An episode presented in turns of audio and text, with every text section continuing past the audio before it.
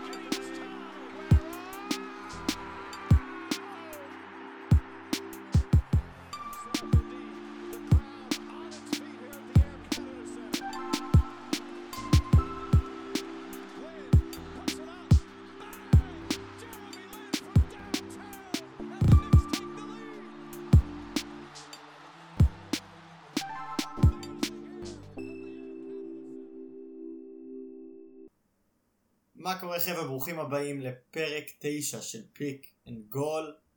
מה המצב עומר? פרק 9 כבר, וואו, אנחנו נופתע כל פעם מחדש מהמספר של הפרק. תשמע, פרק, פרק הבא אנחנו דו ספרתי. דו ספרתי, מחליפים קידומת. בכלל. מחליפים כן, קידומת. אנחנו גדלים, אנחנו כבר לא ילד קטן בגן. לגמרי, ילד קטן בגן. אה, מה איתך? אה, בסדר, בסדר, הדראפט היה, אני כל כך אוהב את הדראפט, ואנחנו ניגע בו בהרחבה, ו... תשמע, אתה חי NBA, אני שאלתי אותך מה איתך, הדבר הראשון, איך אתה אומר לי? הדראפט. אני, אני, אני נושם ד, דרך זה. באמת, אני... זה, זה פשוט... הדראפט של לעצמו, אני כל כך מת על הערכה של כישרונות צעירים, ועל כל אחד מהם מתחיל את הסיפור שלו כבר מעכשיו, ו, ואני מת לראות איך הם... אה, איך אה, יל, ילך להם בליגה, וכן, כיף, כיף חיים. אתה, אתה אומר שחקנים צעירים, עכשיו זה הפעם הראשונה שאני צופה בדראפט, נו. לא, לא, לא היה לי יותר מדי ניסיון. עכשיו אני רואה אנשים, א' כל הלבוש, בואנה אני לא יודע איזה. סטייליסט כולם בחרו, מדהים. מזעזע. כל אחד מוצץ, כל אחד עם אני מת על זה. אני מת על זה. נוראי. בואו בוא נתחיל עם זה. בדראפט, מתי זה היה? בדראפט 2018 אני חושב הוא היה, קווין נוקס הגיע עם חליפה, שכאילו הוא פתח את החליפה ופה היה פשוט כזה, מישהו תפ- אה, תפר לו את, ה- היה כתוב פורטנייט, והיה את הסמל של פורטנייט. אחי הם ילדים בני אוי. 18.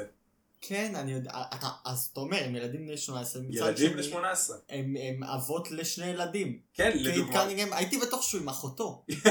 פתאום אני רואה הוא מנשק אותה, אומר This is for you, אמרתי, אה, איזה חמוד, הוא עושה את זה בשביל אחותו. תשמע, יש לך פה... אני נכנס לו לאינסטגרם, הוא אה, אומר, אה, my daughter. אני חושב ש...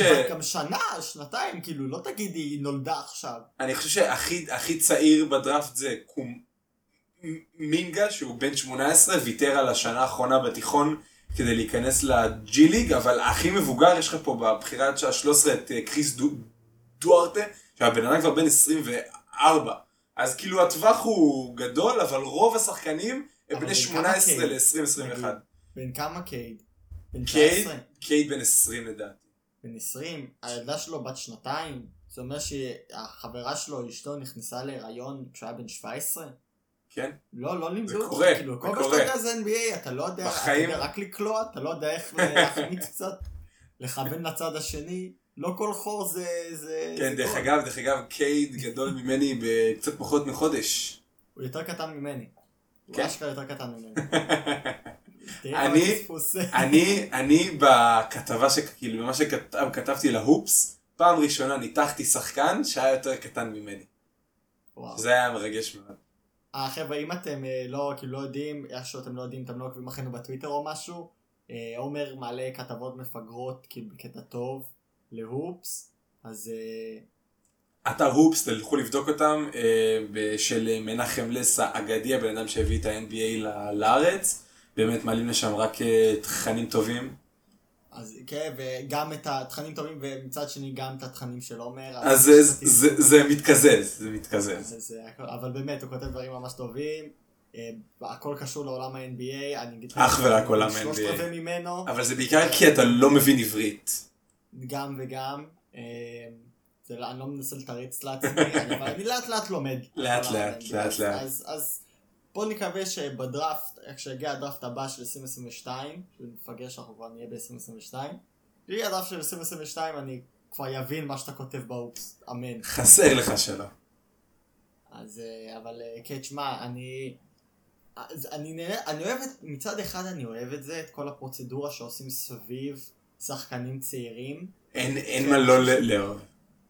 לא, אני אסביר. מצד אחד, זה, זה, זה יפה שכאילו נותנים להם את הבמה הזאת, ועל ההתחלה נותנים להם כאילו, דברו עם ה... עם ה... אה, עם הג'ורנליסט? עם הכתבים. עיתונאים? עיתונאים כן, עם. העיתונאים וזה, ולשים אותם כאילו ב- ב- בעמדה הזאת, שהם הם בטח רגילים מקולג', מגיל אפס עם מצלמה בפרצוף הילדים שזה האלה. משהו שבכדורגל בעיניי ממש מגנים על שחקנים, כן. אני פשוט לא אוהב את זה כאילו, ה- הילדים האלה... מייקי הוא עכשיו ב... הוא, שמע, אני מכיר אותו מכיתה, לא יודע, ט' ח' שלו, הוא עם מצלמה בפרצוף בכל כל מקום שהוא הולך. וזה בעיניי חלק, אז זה הופך להיות כאילו בספורט המודרני, אתה חייב לדעת איך לדבר עם, מול, מול הכתבים, מול העיתונאים, אתה חייב נכון. לדעת איך, איך להפיץ את עצמך, ב, נגיד, ב, כמו, כמו הלנד, ניקח את הלנד דוגמה, הוא, הוא כאילו נולד לזה, הוא כאילו. כריזמטי אם הוא. לא היה כדורגלן, הוא יכל להיות אה, סלבריטי, אישיות טיק טוק או משהו, כאילו בן אדם נולד למצלמה. ואני מאוד מאוד מאוד אוהב את זה שכאילו על ההתחלה זורקים, כאילו זורקים אותך למים העמוקים ב-NBA ואומרים, אתה עכשיו נכנסת ל-NBA, בום, 20 מיליון כתבים, גו. לגמרי. אני אוהב את זה. מצד שני, זה... האגו שלהם כבר בעננים. בוא, הם כבר משחקים במקום הכי טוב מבחינת אמ, כדורי- כדורסל.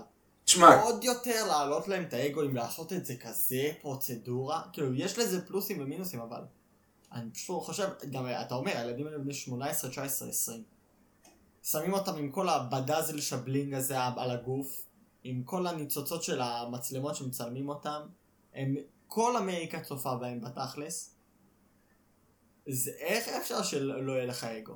כאילו, שהאגו שלך לא יהיה... אתה מבין- לא יהיה אתה-. אתה, אתה מבין שקייד קנינגהם חתם אתמול על חוזה ל-10 מיליון דולר לעונה לארבע שנים, וזה הולך להיות הסכום כסף הכי קטן שהוא הולך לראות בחיים שלו.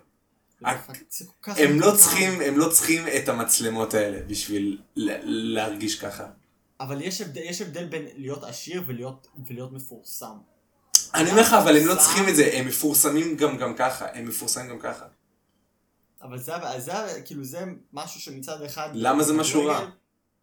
כי הפרסום הזה הופך, הופך לאגו, ואגו כשהוא נהיה גדול מדי זה פשוט לא טוב. יש, יש את האזור האפור הזה באגו, שאם יש לך מעט מדי אגו אז אתה לא מאמין בעצמך, אתה לא מופיע במיטב.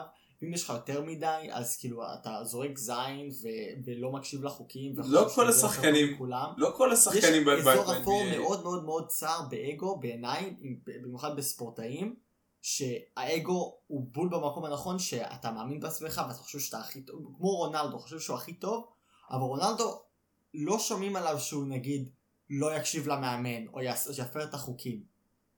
אני חושב שאתה מסתכל על רונלדו זה, הוא בול במקום האגו המושלם הזה. אני חושב שאתה מסתכל על זה בצורה קצת, אה, קצת צרת עין מדי, ולא נותן מספיק מקום מרחב ל- ל- ל- לשחקנים, ובאמת בוטח- בוטח בהם שיוכלו ללמוד איך את זה למקום הנכון. כי יש כאלה, אתה יש כאלה 18, שלא אה, אתה בגיל 18, דמיין, דמיין, אתה לפני שנה, שנתיים. היית, דמ- דמיין שיש עליך עכשיו 20 מיליון תקשיב, מצלמות, תקשיב, כולם אומרים, כששחקנים, וואו, אתה כל כך מדהים, אתה ב-NBA, אתה כאילו פשוט מרים, מוצאים לך את הזין בתכלס, ל- ל- לכל הערב. בוא נודה, זה מה שהדראפט כאילו עושה בשביל השחקנים, השחקנים כבר יודעים לאן הם הולכים, זה לא כאילו, זה, זה, זה משהו לא ידוע. אז זה פשוט, כל האירוע הזה, זה, זה כמו, קצת כמו אוסקרים שמוצצים ל, ל, לכל השחקנים ולכל המפורסמים האלה את הזין, זה קצת, זה ה-NBA, כאילו הדראפט זה, זה בשביל שחקנים, אבל ההבדל שזה שחקנים צעירים, שזה האינטראקציה הראשונה שלהם עם ה-NBA. שזה פשוט כולם על המצלמות עליהם וזה, ומצד אחד זה מעולה כי זה מכין אותם ממש טוב בעתיד כשהם יצטרכו להיות מול עיתונאים על ההתחלה, וזה מעולה, אבל מצד שני זה גם עושה המון נזק מנטלי לאגו. כי זה מרים אותו בעיניי, יכול להרים אותו, אולי יש, יש אולי גם השחקנים מודעים אני- לזה ויש להם משפחה והרבה מהם גם דיברו על זה שמשפחה זה המוטיבציה שלהם וזה, ואולי יש להם באמת מערכת שיכולה להוריד להם את האגו. אני, אני מבין את הנקודה שלך, אבל עוד פעם, זה לא חדש לאף אחד מהילדים האלה. זיון הוא הוא וויליאמסון שנבחר בבחירה הראשונה לפני אה, שנתיים. אה, כל, כל, כל חובב כדורסל, חטא כאילו של... כל חובב כדורסל שלא לגמרי בתוך העניינים הכיר אותו מהתקופה שהוא היה ילד בן חמ- 15. כאילו המ- המ- המ- כל המצלמות קוראות להם בפרצוף מכיתה ט'. כאילו זה לא חדש להם כל כך. אז פשוט, ב- את זה, זה נגיד משהו שבכדורגל אף פעם לא, לא רואים שחקנים צעירים. כמעט אף פעם אתה לא רואה את ה... חוץ משחקנים כמו אמבפה שפשוט פורצים נכון. על, על ליגת האלופות, כאילו, בא, ואין לך ברירה אלא לדבר עליו, אז אה, כן. אבל אה, הדראפט בין היה, אני מאוד אהבתי את זה, היו גם הרבה שחקנים שאני מאוד, אה- כאילו ראיתי סרטונים שלהם לפני, ברור שקייט קנינגהם חייבים לדבר עליו. כן, אה, קייד אה, קנ- קנינגהם, בלי שום הפתעה, אה, הלך לדטרויט בבחירה הראשונה. ואם יש משהו אחד שאני אוהב בבחירה הזאת של דטרויט, ש... קודם כל, הוא, הוא, היה השחקן הכי טוב בדראפט, בין הפול אה, שחקנים שהיה להם, הוא השחקן השלם ביותר. בהתקפה הוא, היא, היא, היא, יש לו את הכישרון הכל כך נחוץ והכרחי הזה לקבוצה מודרנית, של השחקן הזה שיכול להחזיק בכדור הרבה זמן בידיים, אבל גם יכול לעשות את ההחלטות הנכונות ולהאט את המשחק לקצב שלו, זה מה שהוא עושה הרבה פעמים. פעמים השנה בקולג' והצליח באמת להשתלט על המשחקים ולהכתיב אותם בצורה שהוא רוצה, אבל הוא יותר, יותר, יותר מזה, הוא מסוגל להפוך את האנשים שמסביבו ליותר טובים. כאילו ההשוואה שאני הכי הכי רואה את קייד אה, מקבל זה השוואה ללוקה, שמבחינת השליטה בכדור וה, ומה שנקרא הצ- השליטה המוחלטת בהתקפה היא נכונה, אבל לוקה זה שחקן שהרבה פעמים יחפש את הזריקה שלו, ובצדק, הזריקה שלו מד, מדהימה. הוא גם פי מיליון יותר טוב מכל השאר השחקנים בקבוצה שלו. בקולג' זה, זה היה ברור לקייד, אותו דבר ברור גם ללוקה בדאלאס, ההבדל בין קייד ולוקה לשחקן השני הוא עצום, אבל קייד בשונה מלוקה, הרבה פעמים, אה, קודם כל הוא מסוגל לשחק גם בלי הכדור בידיים, שזה משהו שלוקה לא, לא עשה לא פעם אחת בדאלאס, וזה כי לא היה אף אחד אחר. למה, למה אתה מתכוון כשאתה אומר הוא יכול לשחק גם בלי, עם, בלי הכדור בידיים? כאילו, המיקום שלו על המגרש מסוגל, טוב? בדיוק, מסוגל לנוע בלי הכדור, לעשות את, ה, את, ה, את החתיכות הנכונות פנימה, הוא זורק על, הוא עומד על 41% מהשלוש בקולג', הוא מסוגל לקלוע אותם גם pull up, תוך כדי כדרור וגם shoot. אה, ואם, ואם צריך לזה עוד משהו, אז הוא שחקן מצוין גם בשני הצדדים של המגרש. אה, מבחינה הג- הגנתית הוא מבין נורא את המשחק, גם בתור help defense וגם ב-on ball defense, ואם יש משהו אחד שדטרויט הייתה צריכה, זה שחקן כמו, כמו, כמו קייד. הסגל של דטרויט מורכב כרגע מקיליאן הייז, שהיה לו עונה, עונה, עונה ראשונה מאוד מאוד מאכזבת בעונה שעברה, אבל הוא כן הראה פוטנציאל. ו... מה, איזה בחירה הוא היה בדראפט? הוא היה אה, בחירה שביעית לדעתי, הוא. הגיע מדורם, מדורם הגרמנית, הגיע עם המון המון פוטנציאל, קיבל המון השוואות ללמלו בול מבחינת השליטה בכדור והמסירות והראיית משחק והארסנל ההתקפי, אבל הוא קודם כל היה פצוע הרבה זמן והוא נורא, אני חושב שהאתלטיות של הליגה ממש הפתיעה אותו, זה קורה להמון שחקנים מאירופה שמקבלים שוק טוטאלי מה, מהרמה האתלטית המטורפת בליגה. אמ, וקיליאן הייז יכול לעשות לו הרבה טוב, שהוא לא צריך להחזיק בכדור כל כך הרבה זמן, ובלי קשר, סטיוארט וסדיק ביי, שני הביגמנים הצעירים מאוד שדטרויט השיגה בחלקים יותר מאוחרים של הדראפט, שלהם היה עונה ראשונה מדהימה, אה, כאילו התעלו על כל הציפיות של דטרויט, וביחד עם ג'רמי גרנט שדטרויט החתימו לחוזה ענק שכולם צחקו עליהם כשהם החתימו אותו, הראה שהוא הוא יכול ליצור לעצמו את הזריקה ובצד ההגנתי כולם ידעו כמה הוא טוב. איכשהו דטרויט עברה בעונה אחת מבחינתי לפחות, אני לא, לא יודע אם הר- הרבה יסכימו איתי, בעונה אחת מקבוצה שאף אחד אין, אין לה הרבה ציפיות עליה ואולי אפילו הסגל הכי גרוע בליגה, בעיניי לפחות בין הקבוצות היותר מז- מזהירות והיותר כאילו מע- מעניינות. וזה משהו שלא נאמר בדטרויט כבר מ-2009 לדעתי, אז אה, אוהדי דטרויט בארץ, אם אתם פה, אם אתם קי- קיימים בכלל, אה, כל הכבוד כבוד לכם. אתה חושב אה, שעם הרכישה של קייד ואני לא יודע מה עוד הם יעשו מבחינת מעברים, שח... מעברי שחקנים וזה, אתה חושב שקייד יכול להיות כזה שחקן, כאילו, אתה מאמין שהוא ינחת ב-NBA, כאילו, טוב ומהיר, ו... ויכול באמת אה, להשפיע ברמה משמעותית על, על דן, על, אה, לא על דן, סליחה, על, על דטרויט. כן, על דנבר, דטרויט, שניהם ד'. כן. אבל אתה חושב אמ, שכאילו יש סיכוי ש... שנוכל לראות אותם, אה, לא יודע, אפילו נלחמים. למקום בפלייאוף או משהו קרוב לזה? או שזה עדיין רחוק מדי? אני, אני רואה דטרויט הולכים בדרך שהיא נורא נורא דומה למה שאטלנטה הלכו בשנים האחרונות. בחרו את טריי יאנג ב-2018, כישרון לא נורמלי, יכול לעשות הכל אה, בהתקפה, והוא הוא גם הראה נתונים ממש ממש טובים, שם עונה אחרי עונה 25 נקודות, 9-8 אסיסטים, ואז זה גם עלה ל-29 נקודות לעונה, אבל הקבוצה הפסידה. ואז בעצם בקיץ שעבר, טרוויש לנק, ה-GM, אמר, טוב, אני, זהו, אני, אני צריך ל- ל- להראות לטריאנג שהוא מסוגל לנצח באטלנטה, ועשה את כל הרכישות, את, את בוגדנוביץ', את גלינרי, את קפלה, ובום, אטלנטה, אמנם בעזרת אה, מזל מסוים, הצליחה להגיע לגמר המזרח. וזה כן משהו שאני אני רואה אה, בדטרויט, אמנם אני, אני לא צופה להם אה, כאילו מקום בפלייאוף בשנה, שנתיים הקרובות, אבל שלוש, אר, ארבע שנים כשסטיוארד וסדיק פיי וקיליאן הייז וקנינגהם התפתחו ביחד, הם בהחלט כוח עתידי אה, במזרח. אבל לא, לא לעונה הקרובה, לא לעתיד. לעונה הקרובה לא, ואני אגיד להם יותר מזה, אני מקווה שהם יהיו מאוד מאוד גרועים בעונה הקרובה. ב... אני, אני, אני חושב בעצם אה, אין להם, אני חושב שהם ויתרו על ה...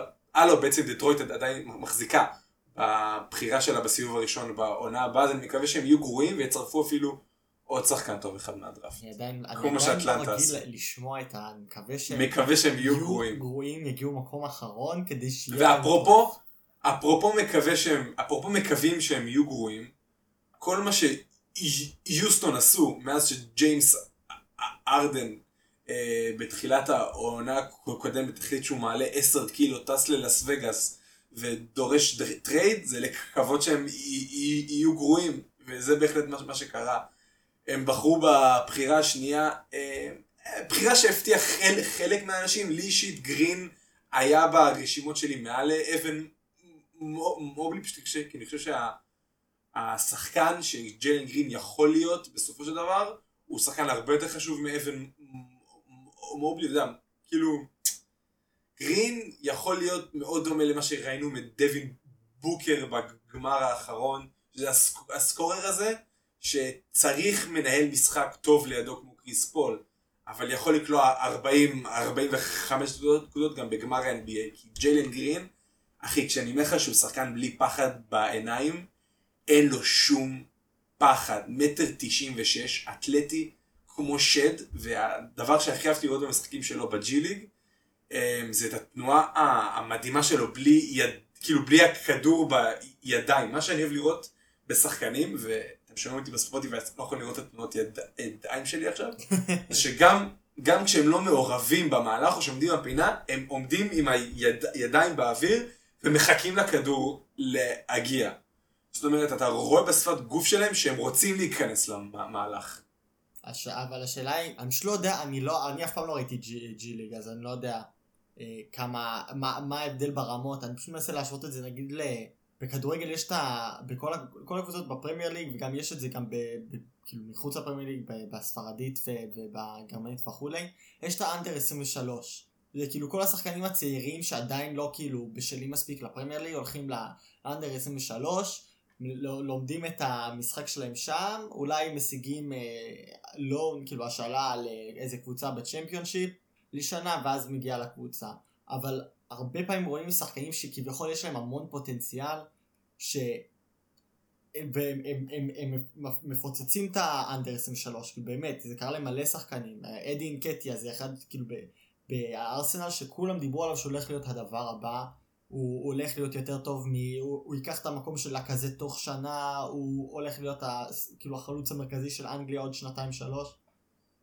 והוא פשוט לא הצליח לעלות לרמה הזאתי מעל האנדר 23. הוא הלך ללון בצ'מפיונשיפ עם לידס, לא הצליח לו כל כך, חזר לארסנל, לא מצא את עצמו. יש דיבור שהוא יעזוב העונה. לא, הוא, הוא הראה כל כך הרבה, כולם, באמת כל המדיה דיברו עליו כאילו הוא הולך להיות הדבר הבא בשביל אנגליה, החלוץ החדש, וזה פשוט לא, לא התממש, אז כאילו האם זה אותו דבר, האם הג'יי ליג הוא, הג'יי ליג סליחה, הוא כמו, הוא כמו המקביל לאנדר 23, האם זה קצת יותר רמה או אני- פחות רמה? אני אגיד לך מה, כל השחקנים שנרשמו לדראפ הזאת מגיעים משלוש מקומות, או ליגות כאלה ואחרות באירופה, כמו שנגון שהגיע מהליגה הטורקית, או ג'וש גידי, סליחה, שהגיע בכלל מאוסטרליה, ושם הרמה היא באמת מאוד משתנה, או שהם מגיעים מהג'י ליג, או שהם, או כמו, כאילו, כמעט כל השחקנים פה מגיעים מהקולג'. הג'י ליג בעיניי הוא נמצא ברמה אתלטית ורמת משחק הרבה יותר טובה מהקולג'. אז ג'יילן גרין וקומינגה וגם אייזאה טוד שנבחר אה, בסיבוב השני כבר נמצאים במקום פתיחה יותר טוב משאר השחקנים כי, ה- כי הרמה האתלטית בג'י ליג היא הרבה יותר גבוהה מהרמה בקולג'. כמה גרין אתה יודע? אה, גרין אה, לפי דעתי הוא גם בן 19. וואו. אז כמה שנים, לא יצא לו בטח הרבה סליחה, לשחק הוא- בג'י ליג. הוא... לא, לא, אך ורק שנ, שנ, שנה אחת. קומי, כל, כל השחקנים האלה חתמו לחוזה על שנה אחת, סיימו את התיכון, שנה, שנה אחת בג'י ליג ול-NBA. קומינגה בכלל ויתר על השנה האחרונה בתיכון. וואו. חרוץ? כן, אמ, אהב ללמוד. ו... כל הכבוד.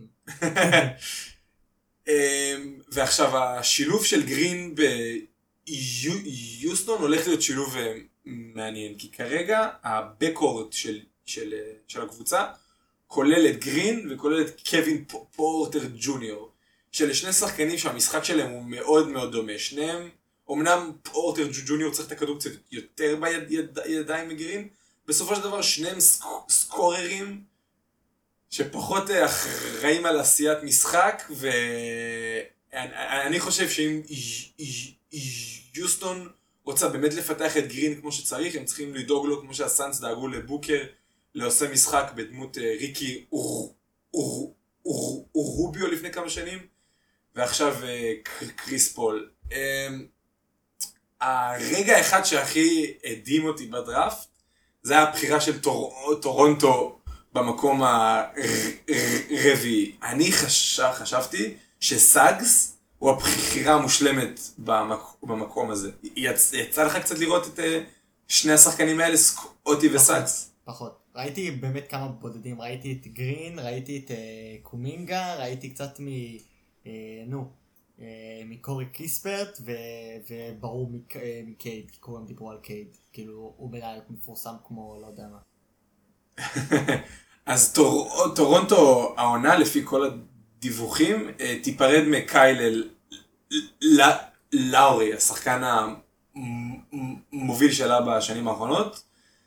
אה, ואני ראיתי את הבחירה הזאת בסאגס שישב שם בבחירה הרביעית, באמת חיכה שהם יבחרו בו, בתור המחליף המושלם במקום הזה. הוא תואם את כל, הקופסאות מה שנקרא.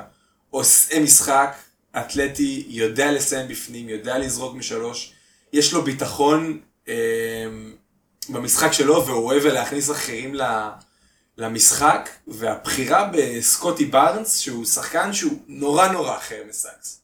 אין לו משחק התקפי כמעט, הוא, הוא מבין, כאילו, הוא, הוא הרבה פעמים מוסר, אתה תראה אותו מוסר את המסירה הנכונה, משחק בעמדה של גארד, הוא מוביל כדור, אבל אין, אין לו זריקה והוא לא ממש בטוח בעצמו, בעלייה לסל, אבל מהצד השני, מבחינה הגנתית, הוא כנראה השחקן ההגנתי הכי טוב בדראפט, אה, בלי שאלה בכלל, הוא יכול לקבל, לשמור גם על הסנטר של הקבוצה וגם לתפוס את, ה, את הגארד של הקבוצה השנייה אה, במגרש קצת מלא. ג'רו הולידיי כזה, ג'רו הולידיי, קצת... אה, מבחינה התקפית הוא יותר נורא מג'רו הולידיי. הזריקה שלו, רב, יש הרבה, אני, אני לא מומחה לזריקות, אבל יש הרבה שמאמינים שאיך שהיא נראית עכשיו, אין לה גם סיכוי להיכנס באחוזים נורמ, נורמליים. ואם טורונטו בחרו את הבחירה הזאת, זה מראה לי דבר אחד, שהם בטוחים לגמרי ביכולת שלהם לפתח בסקוטי בארץ משחק התקפי.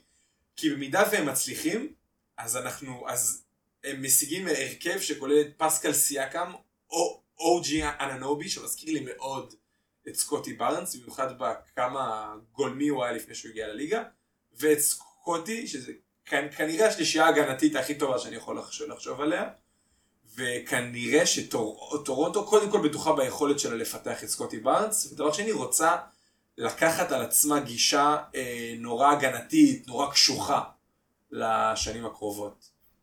מי, מי היית אומר הכי הפתיע אותך? היית אומר שזה הבחירה של סקוטי? זה כאילו מה שהכי קרץ לך לעין? אמ, הבחירה. הבחירה של סקו... סקוטי אמ, כן, ויותר מזה, מה שהכי הפתיע אותי זה כמה מזל ל- לאורלנדו היה בדראפט הזה. אורלנדו היא קבוצה שלא לא, לא זכתה בהרבה מזל בבחירות הקודמות. תמיד השחקן שהיא בחרה היה ב, ב, בדיוק כשהרמת כישרון מתחילה לרדת. בכל הדראפטים האחרונים, והחוזים שהם הביאו לשחקנים שנה אחרי שנה, מאירון גורדון לבוצ'ביץ', לעכשיו הם החתימו את אה, אה, אייזק לחוזה לחמש שנים, בשנייה שהוא חתם על החוזה הוא קרא את ה-ACL, זאת אומרת קבוצה שסבלה מכל כך הרבה מז, מזל רע, קיבלה לברכיים שלה את ג'יילן סאקס, ש playmaker כזה שמסוגל לנהל את ההתקפה ולזרוק משלוש הוא בדיוק מה שהיה חסר לה להרכב, ואת פרנץ וגנר, שהשיגה אותו בבחירה השמינית. אה, זאת אומרת, סוף סוף, קודם כל אורלנדו מקבלים שני שחקנים שיכולים לזרוק משלוש. אני לא יכול להדגיש כמה זה חשוב להם, אבל מעבר לזה הם מקבלים שני שחקנים שבאמת יודעים לשחק כדורסל. ולא שחקנים עם פוטנציאל שאם הם רק יתקנו את הזריקה והכדרור והזה יכול אשכרה לצ- לצאת מהם תשמע, זה משהו. עובד ככה, אני גם מלא בפוטנציאל, אני צריך לדעת איך לזרוק. להבין את החוקים, לדעת מי נגד מי, לזרוק כלל- משלושה, לזרוק אה, זריקה חופשית, ואני אהיה שחקן NBA. בדרך כלל הכלל של אורלנדו היה, אם הם אתלטים, בוא נק- ניקח אותם. את כל השאר כבר נבין לבד. וסוף סוף מגלים שני שחקנים שיניעו את הכדור, שיזרקו משלוש, ואני, אם אני אורלנדו, אני נותן כל כך הרבה דקות לשחקנים הצעירים שלי, לפולס, לסאגס, לווגנר, לאייזק, וכמו כמו דטרויט, צריך- צריך לשמור על franchise- תחשוב, זה הפעם, אתה אמרת, NBA זה... זה חיה חדשה, זה לא כמו קולג', זה הרבה יותר אינטנסיבי, הרבה יותר לרוץ, הרבה יותר פיזי. תן להם לשחק, אני לשחק, חושב ש- אה, אה לא, ברור שהם לא צריכים גם 35 דקות במשחק ולקרוע את ה-ACL. אבל מה שאני אומר, מה שאני מתכוון זה שהם צריכים לקבל את הכדור בידיים, הבנתי. ולהניע את ההתקפה דרכם ולא לפחד מזה. במקום שלהגיד אה, הם. צעירים הם לא יודעים. בדיוק. עוד קבוצה שבעיניי הרש- הרשימה אותי ממש בדראפט שעבר עליה זה שרלוט. אה, ש- שרלוט כרגע העתיד שלה אה, סובב סביב למל, למלו בול. אני חושב שסוף סוף הם קיבלו franchise player כמו שקמבה ווקר לא הצליח להיות להם בשנים הקרובות וראינו את זה בכל בחירה שהם עשו בדראפט. בוק נייט הוא שחקן שקודם כל הגיע לסיטואציה המושלמת בשבילו, בוק נייט שהרבה היה דיבור ממש חזק עליו שהוא הולך להיבחר פתאום ב- בשש, בשבע בחירות הראשונות, נפל עד לבחירה הח- 11 לשרלוט, הוא אולי ה scorer הכי טוב בדראפט, הוא מצוין בשלוש, הוא מצוין בתוך הרחבה, יש לו חוש לזריקה שלו, והוא יכול בהחלט להיות הזורק הכי טוב בדראפט, אבל הוא הרבה פעמים מתקשה כשמבקשים ממנו לכדרר יותר מדי, לנהל את ההתקפה, אה, והוא גם הרבה פעמים לאבד כדורים, לאבד את הכדרור, והנה הוא זוכה לשחק עם למאלו בול, שחקן שהולך להחזיק בכדור רוב הזמן. בנוסף אה, לבוקנייט הם, הם, הם, הם הקיפו אותו בקאי ג'ונס, שנבחר בבחירה 19, הגיע ב trade מהניקס. שחקן נורא אתלטי, סנטר, שכל מה שהוא צריך לעשות זה להגן על הטבעת בצד אחד ולתפוס את האליופים של למלו בול מהצד השני, ו big man אתלטי מהסוג הזה, זה בדיוק מה ששרלוט הייתה צריכה אה, העונה. הבחירה הנוספת של שרלוט, ג'יי טי תור, קודם כל, תגיד לי אם קי- קיים שם מגניב יותר מזה, ג'יי טי תור. הוא אשכרה אחי, הוא- אל. הוא אל נורדי. הוא גם נראה כמו אל. לא הוא. לא נראה כמו אל נורדי, אבל הוא נראה כמו אל, הוא בנוי, מסת שרירים מטורפת, ותור הוא הכי, הכישרון הכי גולמי שיכול להיות. יש לו פוטנציאל מסוים לזריקה, אבל מבחינה התקפית הוא כמעט ולא, ולא קיים, אבל מבחינה הג, הגנתית, הבן אדם יכול לבלוע ג- גארדים ה perimeter, סיים עם מעל שתי בלוקים לעונה. תור, אם הוא יקבל אה, מספיק דקות ולא לא, לא יתבקש הרבה בפן ההתקפי, ש- שרלוט לפי דעתי יכולים בהחלט, יכלו, כאילו, בהחלט בחרו פה אופציה לאחת מחטיפות העונה בדראפט, נבחר בבחירה ה-37, עוד פעם, פוטנציאל, פוטנציאל הגנתי לא נגמר. אז איך הוא, איך הוא, כאילו, איך הוא הגיע בסבב השני? איך הוא לא היה בסבב עוד הראשון? פעם, כי, כי שחקן עם, ארס, עם ארסנל התקפי כל כך מוגבל, הרבה פעמים קבוצות קודם כל מבינות שהוא יצטרך אה, זמן, הוא צריך זמן להתפתח, ויהיה קשה לשלב אותו במשחק ההתקפי שלהם. אבל אם אתה קבוצה ש... אתה יודע, all in על לפתח שחקנים אבל צעירים, הוא השחקן המושלם בשביל סקוטי זה. בארנס הוא אותו, הוא עשוי מאותו גלם, הוא גם אה, התקפית לא משהו. אז מה קרה נכון. 37 ו-1-4? אז כמה שסקוטי בארנס גולמים בהתקפה, תכפיל את זה בשלוש, ארבע, חמש, תקבל את אה, ג'יי טי תור. לסקוטי בארנס עוד אתה, אתה, אתה רואה פיל מסוים למשחק, הוא, הוא מוסר מסירות שאתה הופתעת שהוא מצליח לראות, הוא כן מנהל, כן מוביל את הכדור, הוא לא רק נתקע בפינה, ותור באמת הרבה פעמים בהתקפה אתה מרגיש שאין אין לו מושג על רמת איפה הוא אמור לעמוד. מרגיש לי קצת כמו, כאילו אנחנו אבל- משווים בין אנגולו קנטה לגרנית שקה. כאילו אנגולו קנטה הוא הגנתית מעולה, אבל בהתקפה אתה רואה אם הוא רץ, כאילו מצטרף להתקפה, הוא קצת יודע מה הוא עושה, הוא מבין לאן ללכת, ברור שהגנתית הוא מעולה. גרנית שקה, גם, הוא סבבה הגנתית, התקפה, אין, לך, הוא, אין לו מושג מי נגד מי, איפה הגול, איפה הקהל, לא יודע כן, מי זה- בעדו, נגדו, כולם עושים לו זה בוז. לגמרי, לג, לגמרי נכון. אה, עוד שחקן מעניין שנבחר שאני, שנדבר עליו ואז אה, נעבור לקבוצות שאכזבו אותנו ממש, זה, אה, אני מקווה שאני הוגה את השם שלו נכון, שנגון.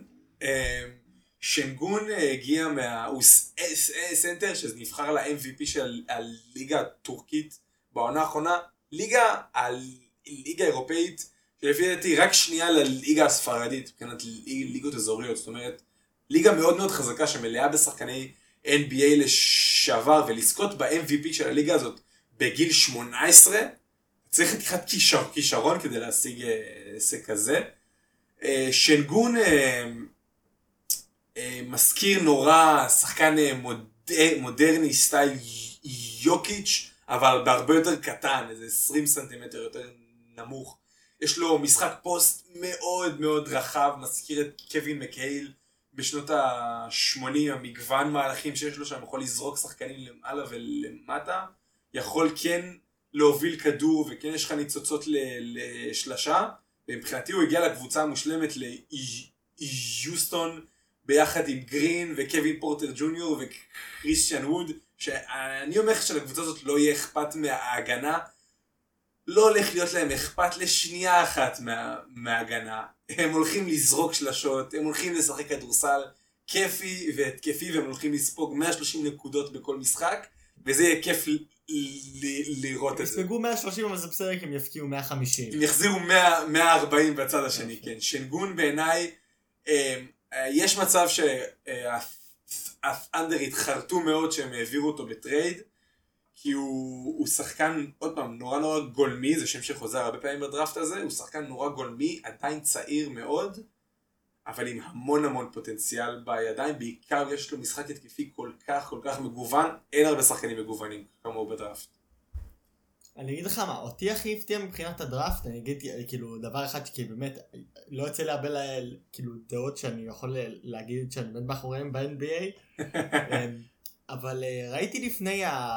כאילו כשהיה את כל ה media hype ל-NBA, וראיתי ראיתי את קורי קיספרט, כאילו מדבר על כאילו... בל- בלט לך בלט לעין. לי לעין, אמרתי טוב נראה מה... קודם כל הוא חתיך אחוש שרמוטה. זה מה שמאוד בלט. הוא חתיך אחוש, אבל וואו, אה, גם לא יודע. נתן לי איזה vibe כאילו של וואלה אולי יש לו איזה משהו. ראיתי סרטונים שלו כאילו ב highlights. עכשיו נכון זה highlights אי אפשר לסמוך על זה. אבל היה נראה חיה. הוא היה נראה שחקן ממש טוב. הייתי בטוח שלפחות ב top 10. כאילו לא ידעתי מי מכל השחקנים אמרתי הוא כל כך טוב הוא חייב להיות לפחות ב top 10. שמע, הוא הגיע, אמר, הוא היה איזה בחירה... אה, בחירה משהו 15. כזה, כן. הפתיע 15, אותי, שזה. עדיין גבוה, זה ממש מחוץ ציפיתי ל... ליותר, כאילו, אני לא יודע. מכל- השחקנים, אז אני לא יכול להגיד שהוא יותר טוב או פחות טוב. אבל אה, אה, יש סיבה, כאילו, מה מה חסר לו במשחק שהוא רק 15 ולא שבר את ה top 10? אני אגיד לך מה, קיספרט בעיניי הוא שחקן ש- שגול גול גולדן סטייט ועוד שניה נדבר על הדראפט הבעייתי מאוד שלהם יכלו מאוד להיעזר בו, הם בחרו גם בשבע וגם ב-14 בבחירה אחת לפני, אבל קודם כל הדבר הכי בולט בכל 15 הבחירות הראשונות בדראפט זה שאך ורק שלוש, אר, ארבע מהם כולל קיספרט הם ביג ביג מנים. וזה ממש ממש ברור הכיוון שה-NBA הולך אליו. ביגמנים, אלא אם כן אתה חושב שמדובר פה באמת כישרון יוצא דופן, שאתה לא, שאתה לא יכול להפסיד, אתה יכול למצוא שחקן שימלא לך את המשבצת הזאת על איזה חוזה מינימום, ועדיף לך, מה שנקרא, לשים את האסימונים שלך על, על גארד, שיכול לזרוק, בוא נדע, יכול לזרוק מה, מהשלוש, כי אנחנו עונה אחרי עונה רואים שאלה השחקנים הקריטיים יותר ל- דווקא. שחקנים, הייתי בטוח עם זה שה-NBA לאט לאט הולך יותר לכיוון ה-live and die by the three, בלבול. ש, שכאילו לא צריך כל כך גבוה. אתה לא צריך, כאילו, אתה צריך להיות פשוט זריקה מעולה. תראה את יאניס, הוא ענק, לא יודע איך לזרוק. הוא רק טוב, נכון. ככל שאתה יותר גדול, ככל שאתה יותר ביגמן, אתה רק טוב, כאילו, הביגמניות שלך בדיוק, בדיוק. הכי טוב בפיינט. מה זה משנה אם אתה... אבל קיספרט, אבל קיספרט הוא לא טאלנט כמו, כמו יאניס, כמו איי-די, כמו יוקיץ' ואפילו לא כמו אבן אובלי שנבחר במקום השלישי, הוא איפשהו בין לבין כזה. וזה מה שגרם להרבה קבוצות לוותר, אבל אמר טוב, אנחנו ניקח את הסיכון שלנו עם, עם מגר. אני אומר, אני הולך לשים עליו עין בוויזרדס, נראה... תשים, תשים עליו. זה, זה דרך לא אגב, יכול ישימו עליו עין, אז כאילו, אני לא היחיד. דרך, אגב- זה הכי כיף בדראפט לבחור איזה שתיים שלושה שחקנים שלומר אני הימרתי עליהם כשאף אחד לא ולראות איך הם אה, אה, זה מה מתפתחים. שקרה לי, ועכשיו- לי כשעונה לפני שאסנסיו חזר מ loan בריאל מדריד, אני לא זוכר איפה הוא היה, הוא נראה לי היה אתה ריאל. מדבר על מה אתה מעלה את אסנסיו בכלל. שמע, הוא היה, אני זוכר כאילו שאמרתי לכולם, כאילו ליברפול צריכה לקנות את אסנסיו. ליברפול חייב לקנות את אסנסיו, היה לו עונה ממש nice. טובה ב loan שלו.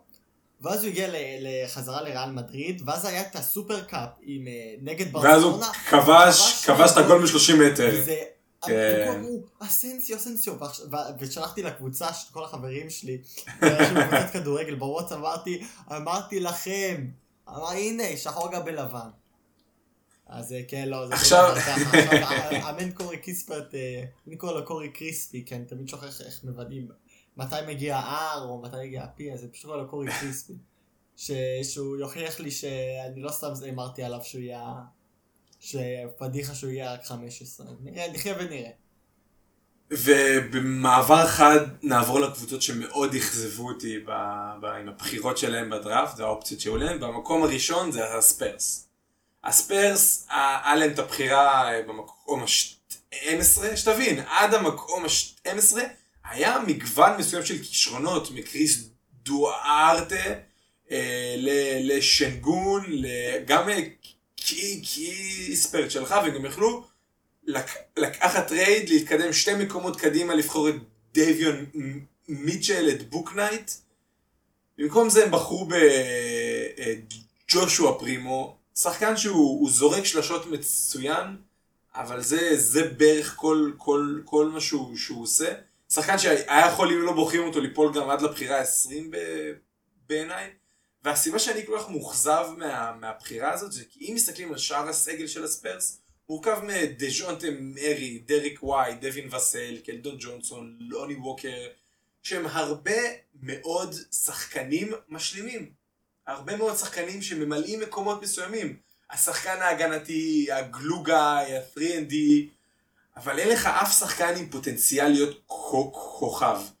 ובדיוק בעונה של למרקוס אולדריץ' עבר, ודה רוזן וגיי, זה בדיוק היה הזמן של הספרס לבחור שחקן כמו ג'וש גידי, כמו קומינגה, כמו די מיטשל, כמו בוקנייט, שבאמת יש לו מצד אחד סיכוי אה, ליפול ולהיות באסט ובחירה נוראית, מצד שני הרבה יותר סטאר פוטנציאל, כי אין להם שחקנים עם סטאר פוטנציאל בסגל.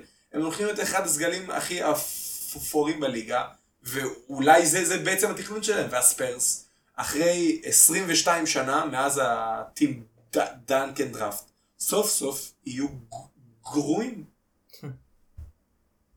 וזה מעולה. אולי זה בעצם התכנון שלהם. שאם אתה מגיע למקום האחרון זה פנטסטי בשבילך, זה כל כך מוזר, אני עדיין לא רגיל לזה. נראה אולי עם תחילת העונה אני אתחיל להבין קצת יותר ב-NBA, אולי אני אתרגל יותר להגיד את זה, להוציא את זה מהפה. אבל אה, אתה, אתה תבין, אתה תבין כשאתה תראה מה זה אומר המרוץ למקום הראשון בדראפט. אבל אני- אה, אני חושב אבל, ו- אה, שנייה, אני חושב משהו שאפילו, כאילו, במקביל לכמ- ל- לשוק מה-NBA, כי היו כמה שוקים ב-NBA, trade שבוא נגיד לא, לא עף מתחת לרדאר, זה אה, ראסל, האהוב לבך, כן, ראסל כן. ווסטברוק. אהוב ליבי, אתה, אתה פות- אתה פותח פה פינה. כן, ראסל ווסטברוק, אה, ה trade עוד לא עבר רשמית, הוא הולך להיחתם הוא רשמית עוד שבועיים, זה הולך לקרות, ראסל ווסטברוק הולך להיות שחקן של הלוס אנג'לס לייקרס, הוא חוזר הביתה ללוס אנג'לס. והוא הולך להיות ביחד עם לברון ג'יימס ואנטוני דייוויס, מה שנקרא ה big 3 הכי מוזר והכי לא ברור שאני יכול להעלות על הדעת. הוא- ווסטברוק ביחד עם שני סיבוב, ביחד עם שני בחירות סיבוב שני עובר תמורת קייל קוזמה, KCP, מונטרז הרל והבחירה ה-22 אייזאה ג'קסון, שחקן עם הרבה, הרבה פוט- פוטנציאל. אה, שהם אה, יראו את דרכם בחזרה ל-DC, עוברים, זה, זה trade מה שנקרא מהסוג של אנחנו נעביר לכם את כל השחקנים המשלימים שלנו, אנחנו מוותרים על כל העומק, על כל הספסל שלנו, רק בשביל למלא את, ה, את ה star power. אה, והשאלה היחידה שאני, שאני שואל, שני דברים. איך זה הולך לעבוד בצד ההג- ההג- ההגנתי? זו שאלה שפרנק אוגל יהיה חייב לשאול את עצמו, כי בלי קייל קוזמה ובלי KCP ועם הוא ווסטברוק, שמי שרואה את המשחקים שלו רואה איך תמיד בדקות האחרונות של המשחק הוא או שהוא מפספס את הרוטציה או שהוא חולם ומאבד את השחקן שלו, אבל ביחד עם אני לברון. זוכר, אני זוכר גם הייתי משחק, כאילו היה לי NBA ש- 16 או 17, והייתי משחק עם אוקלאומה, והוא א' כל היה מעולה ב-2K, בוא נתחיל בזה, אבל ב' אני גם ראיתי, כאילו אחרי ששמעתי על זה אמרתי בוא נראה, בוא נראה מי זה ראסל ווסטבורק, כאילו. ואז הוא זכה ב-MVP. נכון, אבל אמרתי בוא, בוא נסתכל על, על איך, איזה שחקן הוא, כאילו, שמעתי תמיד שמה, השם הזה תמיד היה מוכר, כאילו, שם שתמיד שומע, קצת כמו נגיד, אם אתה לא מבין בכדורגל, אתה שומע, לא יודע, די מריה. אתה כאילו שמעת את השם על זה, הוא קרה ביונייטד וזה. אמרתי בוא, בוא נראה מה, על מי מדובר פה, ואני ראיתי סרטונים שלו, והוא פשוט שחקן כל כך טוב, כאילו הדברים שהוא יכול לעשות, הזריקות שלו משלוש, היו כל כך אפקטיביים, גם ב-2K וגם בהיילייט. אני לא, כאילו, גם וגם.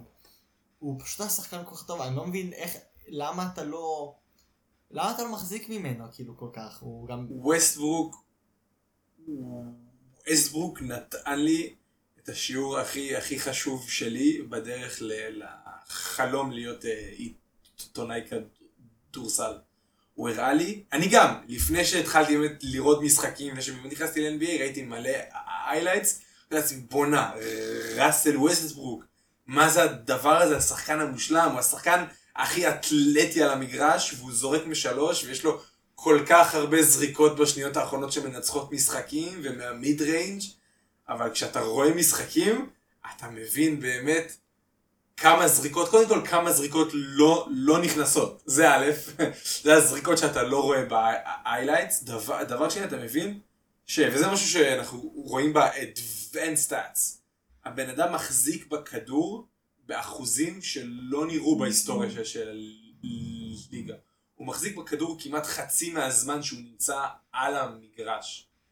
וזה מונע ממך, בכל קבוצה שהוא נמצא בה, באוקלאומה, ואז בוושינגטון, וביוסטון ביחד עם ג'יימס ארדן, מונע ממך לפתח התקפה שלא סובבת אך ורק סביבו. יכול להיות שהוא פשוט דרכו זורמים כל, כמו, כמו נגיד אה, באסטון וילה, כל ההתקפות של, כמעט כל ההתקפות של אה, אסטון וילה זורמות דרך ג'ק גריליש. זה לא כי הוא מחזיק בכדור. וכי הוא אומר "ת- תמסור לי, תמסור לי, פשוט, הוא מוצא את עצמו במקומות הפנויים האלה, הוא נכנס ל, ל, לכיסים האלה שבו הוא נהיה הרבה יותר אה, משמעותי ואפקטיבי. ופשוט יוצא שדרכו זורם הכל, וגם הוא גם באמת היה שחקן שהשיג הכי הרבה פאולים בכל הליגה, כי פשוט היה לו את הכדור במקומות מסוכנים ששחקנים היו חייבים להפיל אותו. אז זה זה אז לא אני- יכול להיות שזה אני- פשוט לא אשמתו של ראסל, שהוא פשוט, הוא כל כך טוב, ויודעים שהוא פשוט יעמוד במקום הנכון בזמן הנכון, שהכל פשוט זורם דרכו. אז אני, אני מצטער אה, לבשר לך, אבל אפקטיבי ויעיל זה לא שני דרכים שאפשר לתאר את ווסטבוק בשום צורה. באמת, אם תראה משחקים שלו, תבין שזה נופל אך ורק על הבחירת ההחלטות שלו. הוא... זה היה איזה פתיחת עונה נוראית, איזה, איזה כואב זה היה לראות את המזרגים של וושינגטון בתחילת העונה כל כך הרבה התקפות שמסתכמות בזה שהוא מכדרר במשך 20 שניות, מנסה להיכנס, לא מצליח, מנסה להיכנס עוד פעם, לא מצליח, ואז זורק לשחקן שיש לו שלוש שניות עם הכדור, קח, תעשה משהו. זאת אומרת, הרבה פעמים אה, התקפות מתחילות ונגמרות בקבלת ההחלטות הלוקה בחסר שלו, וזה דבר שאולי, עוד פעם, אולי בעונה הסדירה הוא ולברון ג'יימיס ביחד יעבדו וזה יהיה, יהיה מדהים, אבל uh, בפלייאוף, מאז שקווין דורנט והוא הגיעו ביחד לגמר ה-NBA, בעונה של לאחר מכן, אני לא חושב, אחרי שדורנט עזב, הם לא, לא, לא הצליחו להשיג הצלחה בפלייאוף. אחרי זה הם הצליחו להשיג את פול ג'ורג' עוד פעם, ראסל ווסטברוק משחק ליד star, סיים מקום שלישי בבחירות ה-MVP, עפו בסיבוב השני לדונובן מיטשל בעונה הראשונה שלו. לא הצליחו, לא, לא, לא, הצליח להשיג הצלחה בפלייאוף לבד עם אוקלהומה, עבר לשחק עם ג'יימס הארדן ביוסטון לפני שתי עונות, ושם זה היה צפ... שם זה היה כל כך ברור, כשהוא שיחק מול לברון ג'יימס והלייקרס, למה הלייקרס פשוט לא הולכים לשמור אותו בפלייאוף, פשוט השאירו אותו לבד על השלוש, וכאן, וכאן כאילו הכל מגיע לזה, ראסל ווסטברוק בפלייאוף, כשזה צריך, כשכאילו כשצריך אותו, לא מסוגל לקלוע את השלשה, הוא אף פעם לא היה מסוגל לקלוע, וזה למה כל כך קשה לראות את השילוב שלו ושל לברון ביחד על, ה, על המגרש. למה? לברון אה, שחקן קלאץ', לא? זה מה שהעיתונאי. לברון שחקן קלאץ', לברון שחקן מאוד קלאץ' בעיניי, אבל הוא גם שחקן נורא ball, שנורא צריך את הכדור בידיים, בדיוק כמו ראסל ווסטברוק, שמתקשה מאוד להשפיע על המשחק בלי הכדור אצלו בידיים. ועכשיו ככה ראסל צריך להיות אופציה שלישית בהתקפה, אחרי לברון ג'יימס ואנטוני דייוויס. כן, אבל שדרך אגב, לברון אה, ג'יימס כבר אה, מבוגר, בן כמה לברון? הוא כבר ב-30 פלוס, לא? הוא לא, הוא כבר לא יכול להתחיל לשחק אה, עונות שלמות, כאילו. אני חושב, שבפלייאוף הוא יהיה 37 כבר. אתה מבין? כאילו ראסל ווסטברוק, הר- נכון, אני לא, אני לא טועה, הוא באמת יותר צעיר, הוא צעיר ממנו בכמה שנים טובות. הוא 32. אז 32. אתה מבין, זה הגיוני שאם אתה בא, בא נכון. כאילו, אתה רוצה לעבור transition חלק, בלי כאילו שינוי יותר מדי גדול, שבו לברון יתחיל לשחק פחות, ראסל ווסטברוק אולי יתחיל לקחת את המקום שלו בקבוצה מבחינת הזה שמחזיק את הכדור.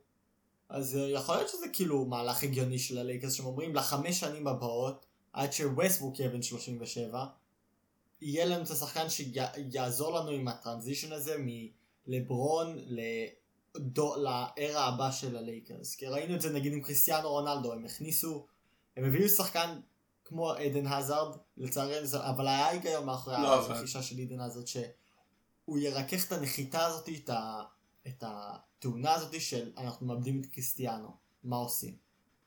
אה, ויכול להיות שזה המחשבה נכון, של הלייקרס אני- לגבי ווסטברוק, שאולי הם לא ישחקו ביחד יותר מדי, אבל הוא יעזור להם לעבור הלאה, ושהם לא יהיה כאילו ירידה אס, אסטרונומית ברמה. נכון, מבחינת, ה... מבחינת העונה הסדירה זה הגיוני, אבל עוד פעם, המטרה של לברון היא לזכות באליפות, היא תמיד לזכות באליפות. ואין מה לעשות, זה, זה עוד, עוד, עוד פלייאוף ועוד פלייאוף הר- הראו את זה שהוא פשוט לא שחקן. מביא לך אליפות בסופו של דבר, הוא לא יודע מה לעשות בדקות האחרונות של המשחק, הוא עושה טעויות בשני הצדדים של, של המגרש, וגם עוד, עוד, עוד, כאילו עוד, עוד משהו שיקרה בעקבות זה שאנטוני דייוויס סוף סוף אולי יהיה חייב להתחיל לשחק בחמש ולא בארבע, כי הליגרס פשוט לא יוכלו להרשות לעצמם עוד שחקן שלא יכול לזרוק מ- משלוש. ורק לסגור את כל הסגמנט, אני אוסיף משהו קטן אה, אח- אח- אחרון בדראפט. ואז אה, נמשיך לכדורגל. הבחירה שלי לחטיפה של, של הדראפט זה ג'רד באטלר בבחירה אר- ה-40. שים לב, הבחור שכל ה... לפני, לפני כבר אה, כמה שבועות בזה ניבאו לו מקום ב-20 מקומות הראשונים, נפל עד לבחירה 40. 16.7 נקודות למשחק, 4.2 אסיסטים, שתי חטיפות למשחק, מעל 40 אחוז משלוש, וזכה בתור השחקן השני הכי טוב בכל אה, טורניר הקולג' בעונה האחרונה לבטלר. יש כישרון להיות אפילו אחד מעשר השחקנים הכי טובים בדראפט. הוא מלא בביטחון עצמי, הוא זורק נהדר משלוש, הוא פליימקר מצוין. הבעיה שלו היא ש... וזו בעיה רפואית, לפני ה... ממש לפני ה... תחילת הדראפט גילו לו בעיה ב... ב... בלב, הוא היה צריך פאנל, היה צריך פאנל רופאים שיאשר אותו במיוחד לדראפט, אה, נמצאו לו גם בעיות מסוימות בברכיים, ואני מחזיק אצבעות בטירוף לשחקן הזה, כי אם הוא נשאר בריא, הוא יכול להיות אחד השחקנים הכישרוניים שיוצאים מהדראפט. שהגריזליז ישמרו עליו טוב, כי שחקנים, כאילו, הפ- זה תמיד הפחד שלי עם. הפייסרס. הפייסרס. הוא לא עבר לגריזליז? אני טועה? הוא נבחר ל... ל- אה, לפייסרס בבחירה 40, כן. אה, אוקיי. אז... אה, לא, אתה צודק, הוא עבר לגריזליז, אתה באמת צודק, והגריזליז העבירו אותו לג'אז. אה, הוא עבר עוד מסלול אחד הוא בדרך, אתה עבר צודק. double כאילו. גם- אה, ממש, כן. התחיל בפליקנס, גריזליז, ואז... אה, הוא התחיל בול, אוקיי. כן, זה היה מסלול ארוך. אז, חשבתי שנייה שפישלתי פה, אני עדיין חדש ב-NBA, כל טעות שאת, כאילו, כל הכבוד. אבל אה, באמת שחקנים צעירים, אז זה תמיד אני חושש ב-NBA ששחקנים צעירים, אפשר לזרוק אותם לעמוקים מהר מדי. אה, לפחות ככה זה נראה לי מהצד, מבן אדם שכל כך רגיל ששחקנים בין- בני 18-19 אפילו לא חושבים על אולי לשחק בפרמייר ליג, כאילו הכי קרוב שיוצא להם זה אולי להתאמן עם הקבוצה הראשונה, כאילו עם הפרסטים, עם הקבוצה שמשחקת בפרמייר ליג. אז אה, במיוחד עם שחקן כזה חייבים, אה, כמו, כמו בובת חרסינה כזה, חייב לשמור עליו, כי עצוב לי כשאתה שומע על שחקנים צעירים או שנכנסים לתאונת דרכים, או ש... או כן. קורה להם איזה משהו ב, ב, ב, בכדורגל, אני חושב על תמיד על אה, נורי מאייקס, מאוד, מאוד. שעדיין בקומה, כאילו עדיין בקומה, נכון לא, זה כאילו קרה משהו בזמן המשחק, אבל אני חושב אם אולי היו שומרים עליו טיפה יותר טוב, אולי יכלו לעצור את זה.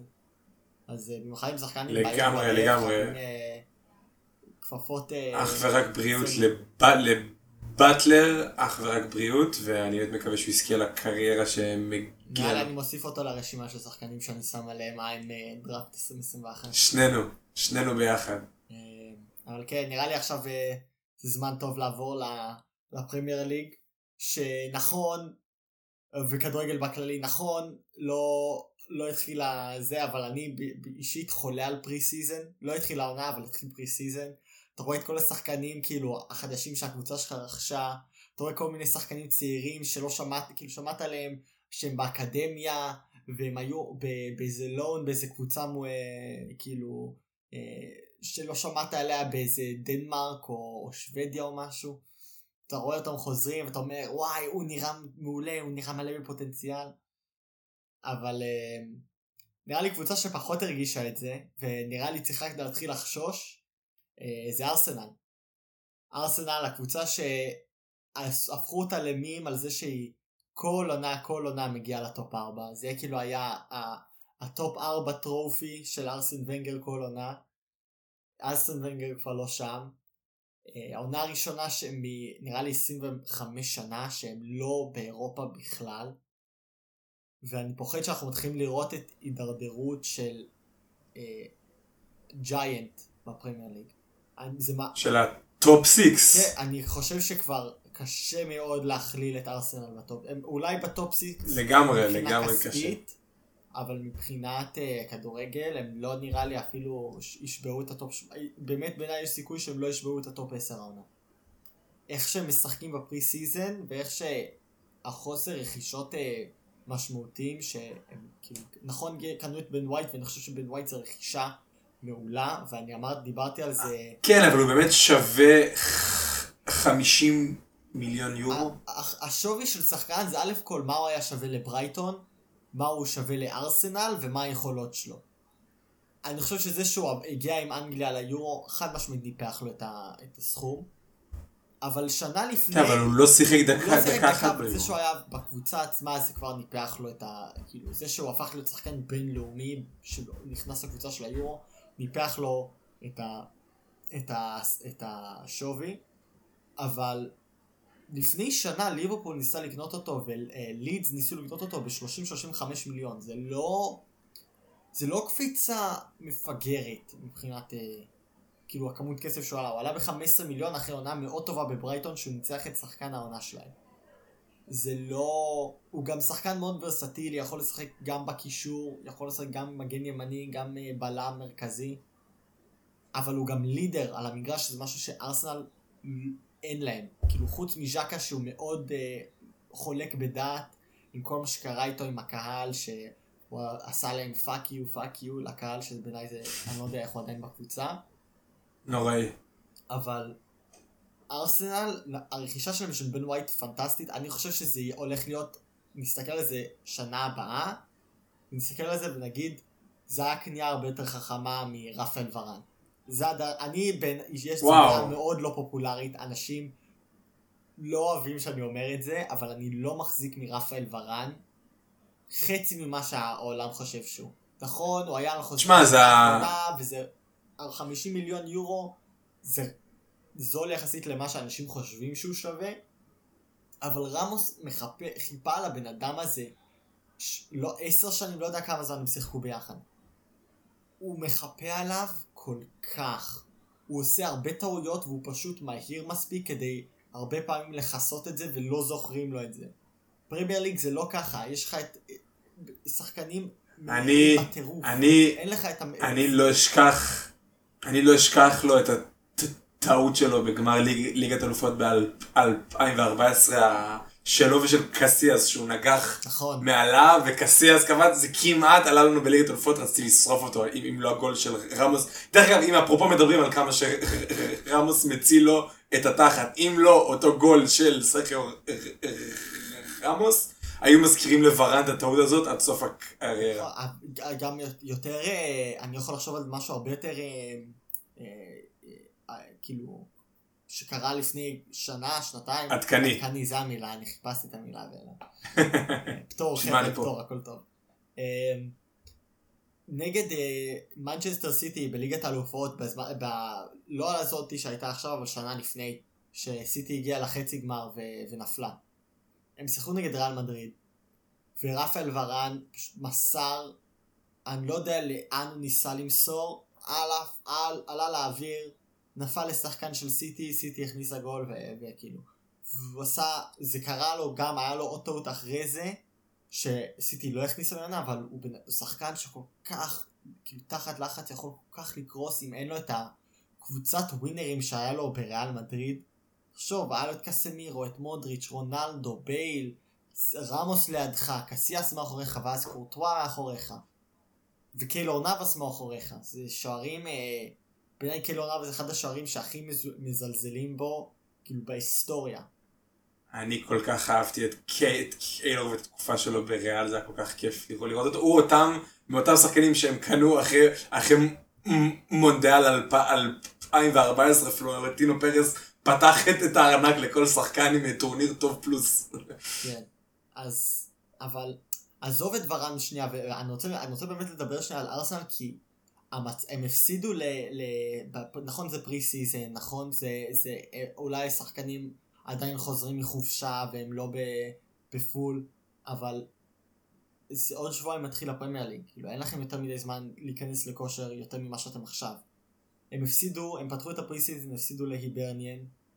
אה, זה היה תיקו מול עוד קבוצה סקוטית, אני לא זוכר מי, אבל אה, גם, לא, לא. הם לא, עזוב את התוצאות, כי תוצאות יכולים להיות קצת מטעות, יכולים כאילו, יכול להיות שהיה להם גול אה, ביש מזל ואתם פגעתם בקורה שמונה פעמים.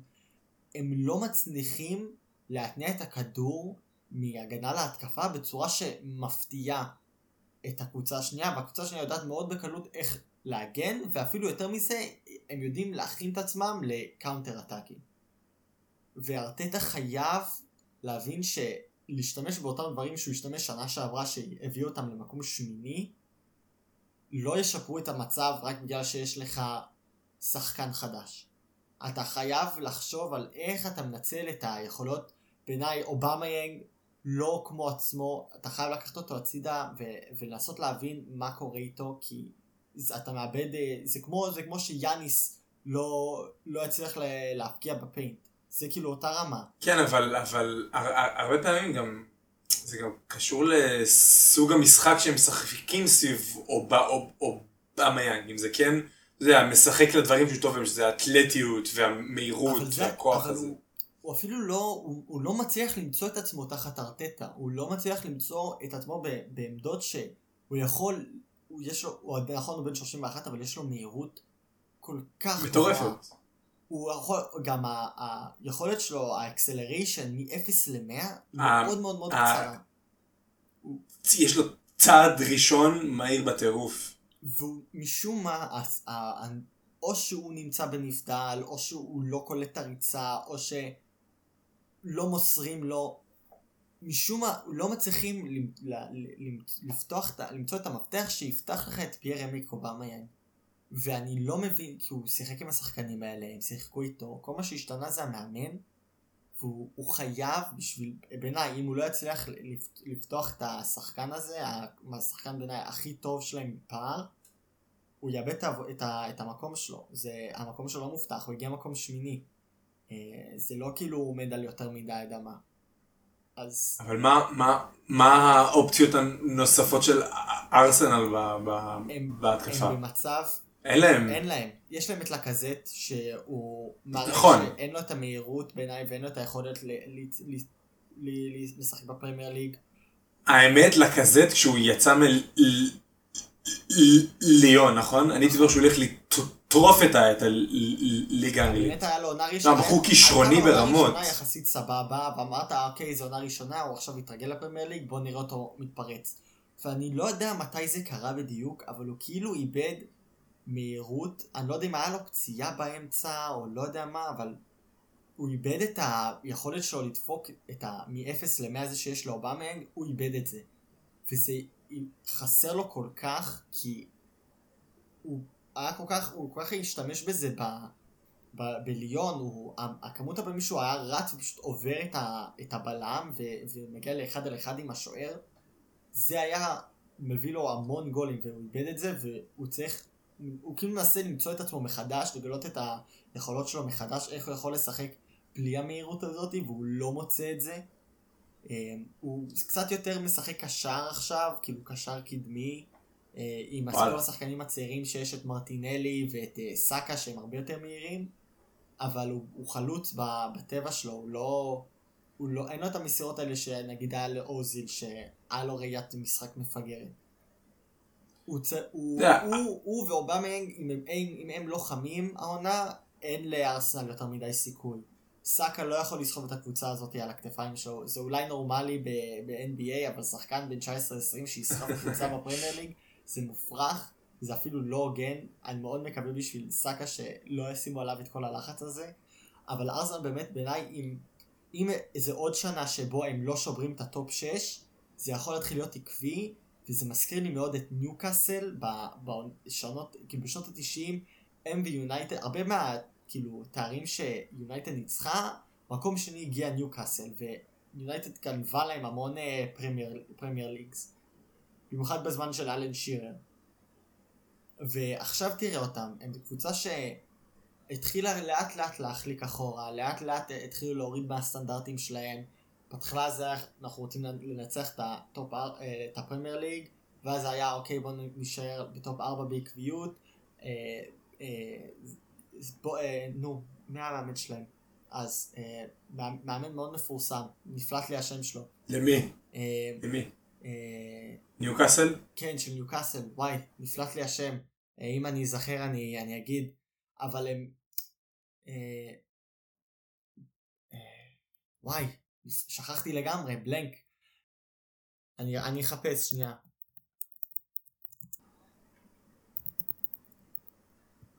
אה, אה, אה, אה. מה אני, מנסה להגיד? ולאט לאט הם התחילו להידרדר מבחינת ה... הסטנדרטים שלהם. אה, בובי רובסון, אה, זה היה המאמן שלהם. בפרק זמן שהם היו באמת מעולים,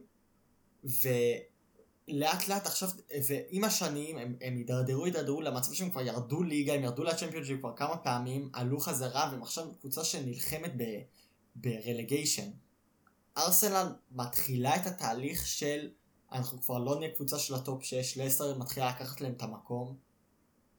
זה לא יפתיע אותי אם הם ימשיכו ככה, אם הם לא יעצרו את המחלה לפני שהיא נהיית אה, פטאלית, אז זה יכול באמת לקרות מצב שאנחנו נתחיל לראות את ארסנל בעקביות מחוץ לטופ 4, ואולי להתחיל לראות אותה ב... ברלגיישן, זה לא כזה רחוק מה... מהמציאות שלנו כרגע, וזה מלחיץ אותי מאוד. זה ממש ממש כי מזכיר יש לנו לי, זיכרונות טובות מארסנל. זה ממש ממש מזכיר לי את מה שהפועל תל אביב, אם קצת ניגע בספורט ישראלי בצורה נדירה מאוד מאוד, נדירה עברה, מאוד. עברה בשנים שאני אני בעצם הייתי אוהד שרוף שלה, אחרי עונת הדאבל האגדית ב-2010 והגיעה לשלב הבתים בליגת האלופות, זאת אומרת בטופ של קבוצה ישראלית. תוך שנתיים היא כבר נלחמה על מקום באירופה, תוך ארבע שנים היא נלחמה לסיים בפלייאוף העליון, ולפני אה, שלוש, ועכשיו היא רק, אחרי שהיא ירדה ליגה, היא רק נלחמת על להישאר בליגה הראשונה. כאילו זה, עם המטרה. עם- עוד חמש שנים, בדיוק. נגיד האם ארסנל תישאר בליגה או לא. והפועל היא באמת שמותג בליגה הישראלית כמו ארסנל ובליגה האנגלית. נכון. אה, עוד קבוצה שבעיניי מאוד מאוד מעניינת בליגה האנגלית ב pre season, ב transfer window שעובר עכשיו, זה אסטון וילה. אם דיברנו כבר על ג'ק גריליש ואיך שהוא שולט במשחק, זה יותר ויותר אה, שמועות יוצאות ואומרים שהוא הולך לעזוב. ואסטון וילה כנראה הולכת לקנות את אה, שחקן אה, מג'מייקה בשם ליאון ביילי, או ביילי, איך שכל אחד רוצה להגיד את השם. אה, שחקן שמשחק בבייר לברקוסן, וכנראה הולך לעבור לקבוצה מבחינת אה, דרג אה, אירופאי הרבה יותר נמוכה באסטון וילה, וזה... אם היית אומר לי לפני 20 שנה, כאילו, אני לא הייתי מדבר לפני 20 שנה, כי נולדתי בערך באותו זמן, אבל אם היית אומר לבן אדם שבעוד 20 שנה שחקן יעבור מבייר לברקוסן, כאילו, שחקן בפיקה שלו, או שחקן כאילו שהוא במגמת עלייה מבחינת יכולת, שחקן אה, מפתח בשביל לברקוסן העונה. יעבור מבייר לברקוסן, קבוצה שכמעט כל שנה או באירופה ליג או, או, או בצ'מפיונס ליג אם יעבור עליה עונה טובה, יעבור לאסטון וילה, קבוצה שנלחמת רק עכשיו בגלל אם, אם כאילו העונה המפגרת של, ג'ק- של ג'אק גריליש ניסתה להילחם למקום בטורניר אירופאי ולא הצליחה, הייתי אומר לך אין סיכוי, אתה חי ב... אני לא יודע איזה LSD לקחת, לא יודע מה עישנת, אבל זה, זה לא קורה. וזה בדיוק מה שאנחנו רואים היום, ששחקן מעדיף לשחק בקבוצה כמו אסטון וילה, קבוצה שאין לה שאיפות לנצח טורניר, לנצח משהו אירופאי, להגיע לאיזשהו גמר בגביע. וזה בגלל, כאילו, ומעדיף לקחת paycheck מאוד גדול, במקום לנסות להילחם על תארים אירופאים. וזה בעיניי בדיוק ההפך קורה ב-NBA, משהו שאני כל כך מעריך שהמשיכה של כסף הרבה פחות מורגשת וחזקה בין הקבוצות ב-NBA לעומת הפרמייר ליג מול כל העולם. נכון, ל-NBA NBA אין היא ליגה אחת אה, בפני נכון, עצמה, אין אבל- לה תחרות. אין, NBA אין לה תחרות, אבל הם עושים את זה שגם בין הקבוצות אין לך קבוצה כמו, לא יודע, שהלייקרס יש להם המון כסף, אז הם נכון, יכולים לתת את כל נכון. מה שהם רוצים ואין להם, אין לזה אשליות. ו- פה אתה רואה שהפרמייר ליג מצליחה למשוך את השחקנים, קבוצות בינוניות מצליחה למשוך את השחקנים הכי, כאילו המוצלחים ביותר מהליגות האחרות. זה לא ליגות כמו הליגה הטורקית, או שחקנים מאייקס שכל שנה קוטפים להם 20 שחקנים. זה כבר קבוצות כמו בייר לברקוסן, כמו דורטמונד, כמו, כמו, לא יודע, עוד מעט נתחיל לראות אולי אתלטיקו מדריד מתחילה להפסיד שחקנים. רואים עכשיו סאול ניגז, כנראה יעבור או ליונייטד או לליברפול, זה כרגע השמועות שרצות. זה מאוד מאוד מאוד מפחיד לראות כמה הכסף מדבר בכדורגל, ומה זה אומר לתחרויות האירופאיות עוד עשר שנים, עם כל השחקנים הטובים מהקבוצות ה- ה- כאילו בין לבין, שהם הם לא כל הזמן בצ'מפיונס ליג, הם לפעמים יורדים לאירופה ליג, שחק... קבוצות כמו ולנסיה, כמו סביה, כמו, באיה לברקוסן, כמו מונשן גלדבך, שאם הם מתחילים לאבד את השחקנים הטובים שלהם ל- לפרמייר ליג, לקבוצות הבינוניות, זה רק יעלה את הרמה של הפרמייר ליג, וזה יכול להביא לארה של קבוצות אנגליות שולטות בכדורגל אירופאי. וזה משהו ש... זה פרוספקט שאני אישית, עד כמה שאני אוהד ליברפול ואני אוהב את הליגה האנגלית, זה יכול להיות מאוד מסוכן לכדורגל העולמי ויוריד את הסך, הר... הסך הכל הרמה העולמית למטה. תראה, הדוגמה, משהו שלא רחוק בעיניי מהעתיד. הדוגמה הכי טובה שאני יכול לת- לתת לך קודם כל זה בעזרת ביטוי יפהפה, סוציאליסטי בטירוף, שנקרא תקרת שכר. ובוא אני אתן לך דוגמה מאוד מאוד מאוד טובה לתקרת שכר. נכון, דיברנו קודם על ה trade של, שראסל ווסטברוק מצטרף ללברון ג'יימס ואנטוני דייוויס. עכשיו, דרך אגב, אתה יודע כמה המשכורת שלו העונה תהיה? כמה? 40 מיליון דולר. אתה יודע כמה המשכורת שלו בעונה הבאה תהיה? 20? 47 מיליון דולר. וואו. עכשיו, עם זה שגם הוא וגם לברון ג'יימס וגם אנטוני דייוויס ביחד מרוויחים 100 מיליון דולר, זה משאיר לקבוצה שום יכולת לזרוק עוד חוזה גדול על אף שחקן אחר. הם יהיו חייבים לשחקנים שמרכיבים סביבה, ודרך אגב הם ויתרו על כל הספסל בשבילו, הם חייבים להביא שחקנים בחלון העברות, הם יהיו חייבים למצוא את השחקנים שיחתים, יסכימו לחתום על חוזים נמוכים. על שחקנים- שיסכימו לחתום על חוזים של 5 מיליון, 6 מיליון, כי אין להם מקום תחת תקרת השכר להחתים עוד שחקן על חוזה גדול. אתה מבין? אז אסטון וילה עכשיו חתמה גם את בנדיה, גם את, uh, עכשיו את, uh, תחתים את ליאון ביילי. ניסתה להחתים את אמילס, כאילו יש להם, בגלל שעם המכירה של ג'אק גריליש יהיה להם המון כסף, אז הם יכולים להחתים המון, אין, אין להם, כאילו יש את ה-financial fair play שאמור להגן על, על הקבוצות מלבזבז יותר מדי, כסף, אבל כולם יודעים שזה בתכלס, אם PSG יכולה להחתים את אמבפה ואת ניימה באותה עונה. אין סיבה כאילו שכולם צוחקים עליהם, הם בדיחה כאילו ה-financial fair play. לגמרי. כאילו מן סיטי מפרה את כל החוקים, בהתחלה הם אומרים, היה לפני שנה, אמרו, אתם לא משחקים בליגת אלופות. לא תשחקו בליגת האלופות שנתיים ותצטרכו לשלם אה, 50 מיליון אה, פאונד, בסוף הם שילמו משהו כמו 3 מיליון פאונד שבשביל שייח' מנסור זה, אתה יודע, הוא ועוד דבר. מזה. עוד דבר, השייחים מקטר שמגיעים וקונים קבוצות, זה, זה בעיניי הדבר הראשון שגרם לי לקחת צעד אחורה קצת מכדורגל לתוך הכדורסל, כי נורא לא אהבתי את הכיוון שזה מתקדם בו. זה, זה, ראית את זה גם, ממש הרגישו את כל העניין של, של הביליונרים האלה ששולטים בכדורגל, כשהיה את כל העניין עם הסופר ליג. מי, נכון, בדיוק. למה, למה רצו את הסופר ליג? זה, זה היה נותן ל, עד כמה שכאילו האוהדי כדורגל לא היו אוהבים את זה, זה האמת היא שזה היה מכניס הכי הרבה כסף לכיסים של הבעלים האלה, של הביליונרים, טריליונרים האלה. והם אמרו, טוב, בואו נעשה מה שייתן לנו הכי הרבה כסף, מה שיעשה לנו הכי הרבה רווח. אין מה לעשות, הם, אנחנו מסתכלים כד- על קבוצות כדורגל, על קבוצות NBA כמו קבוצות, הם מסתכלים על זה כמו חברה. זה חברה בשבילם, ומה החברה מנסה לעשות? זה להוציא הכי הרבה כסף, שבסוף השנה מסתכלים על הקווטה, על כמה כסף הם אה, בזבזו וכמה כסף הם הרוויחו, שיהיה הכי הרבה ירוק. וזה באמת הבעיה ב... ש... בכל, בכל עולם הכדורגל, בכל ליגה יש המון כסף. כאילו כסף מדבר.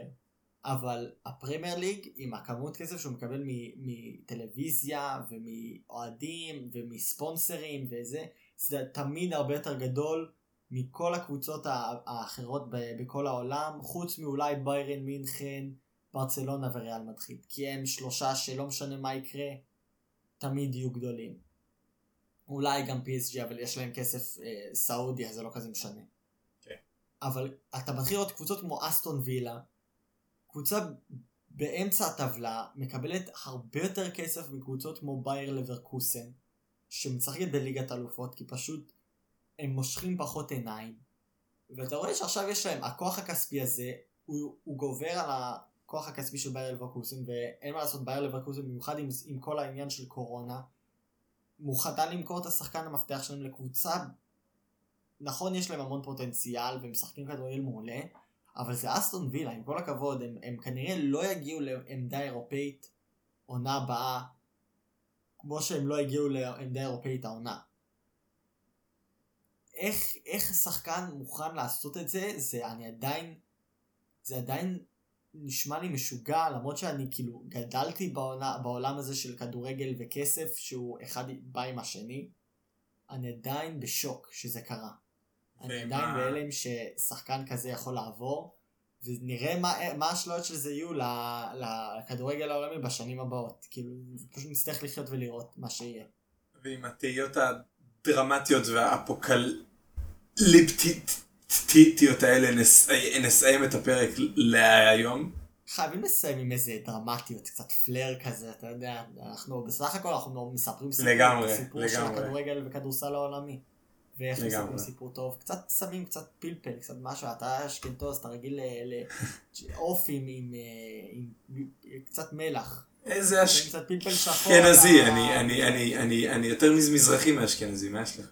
אתה באופי, אני מדבר על אופי. אה, אוקיי, אוקיי. סבבה. טוב, אה, מקווים שנהנתם. אה, תעקבו אחרינו אה, בטוויטר. אה, אין לי, אין לי, אין לי, אתם לא מבינים איזה מימים מטורפים אני מעלה. תעקבו אחרינו בטוויטר. עומר היום העלה משהו, משהו, בשבילנו זה היום, בשבילכם זה לפני יומיים. דבר קורע, באמת, מים קורע מצחוק. אה, אם זה אתם אה, זה התגובה לפוסט, זה התגובה אתם לפוסט תאהבו שלו. את זה.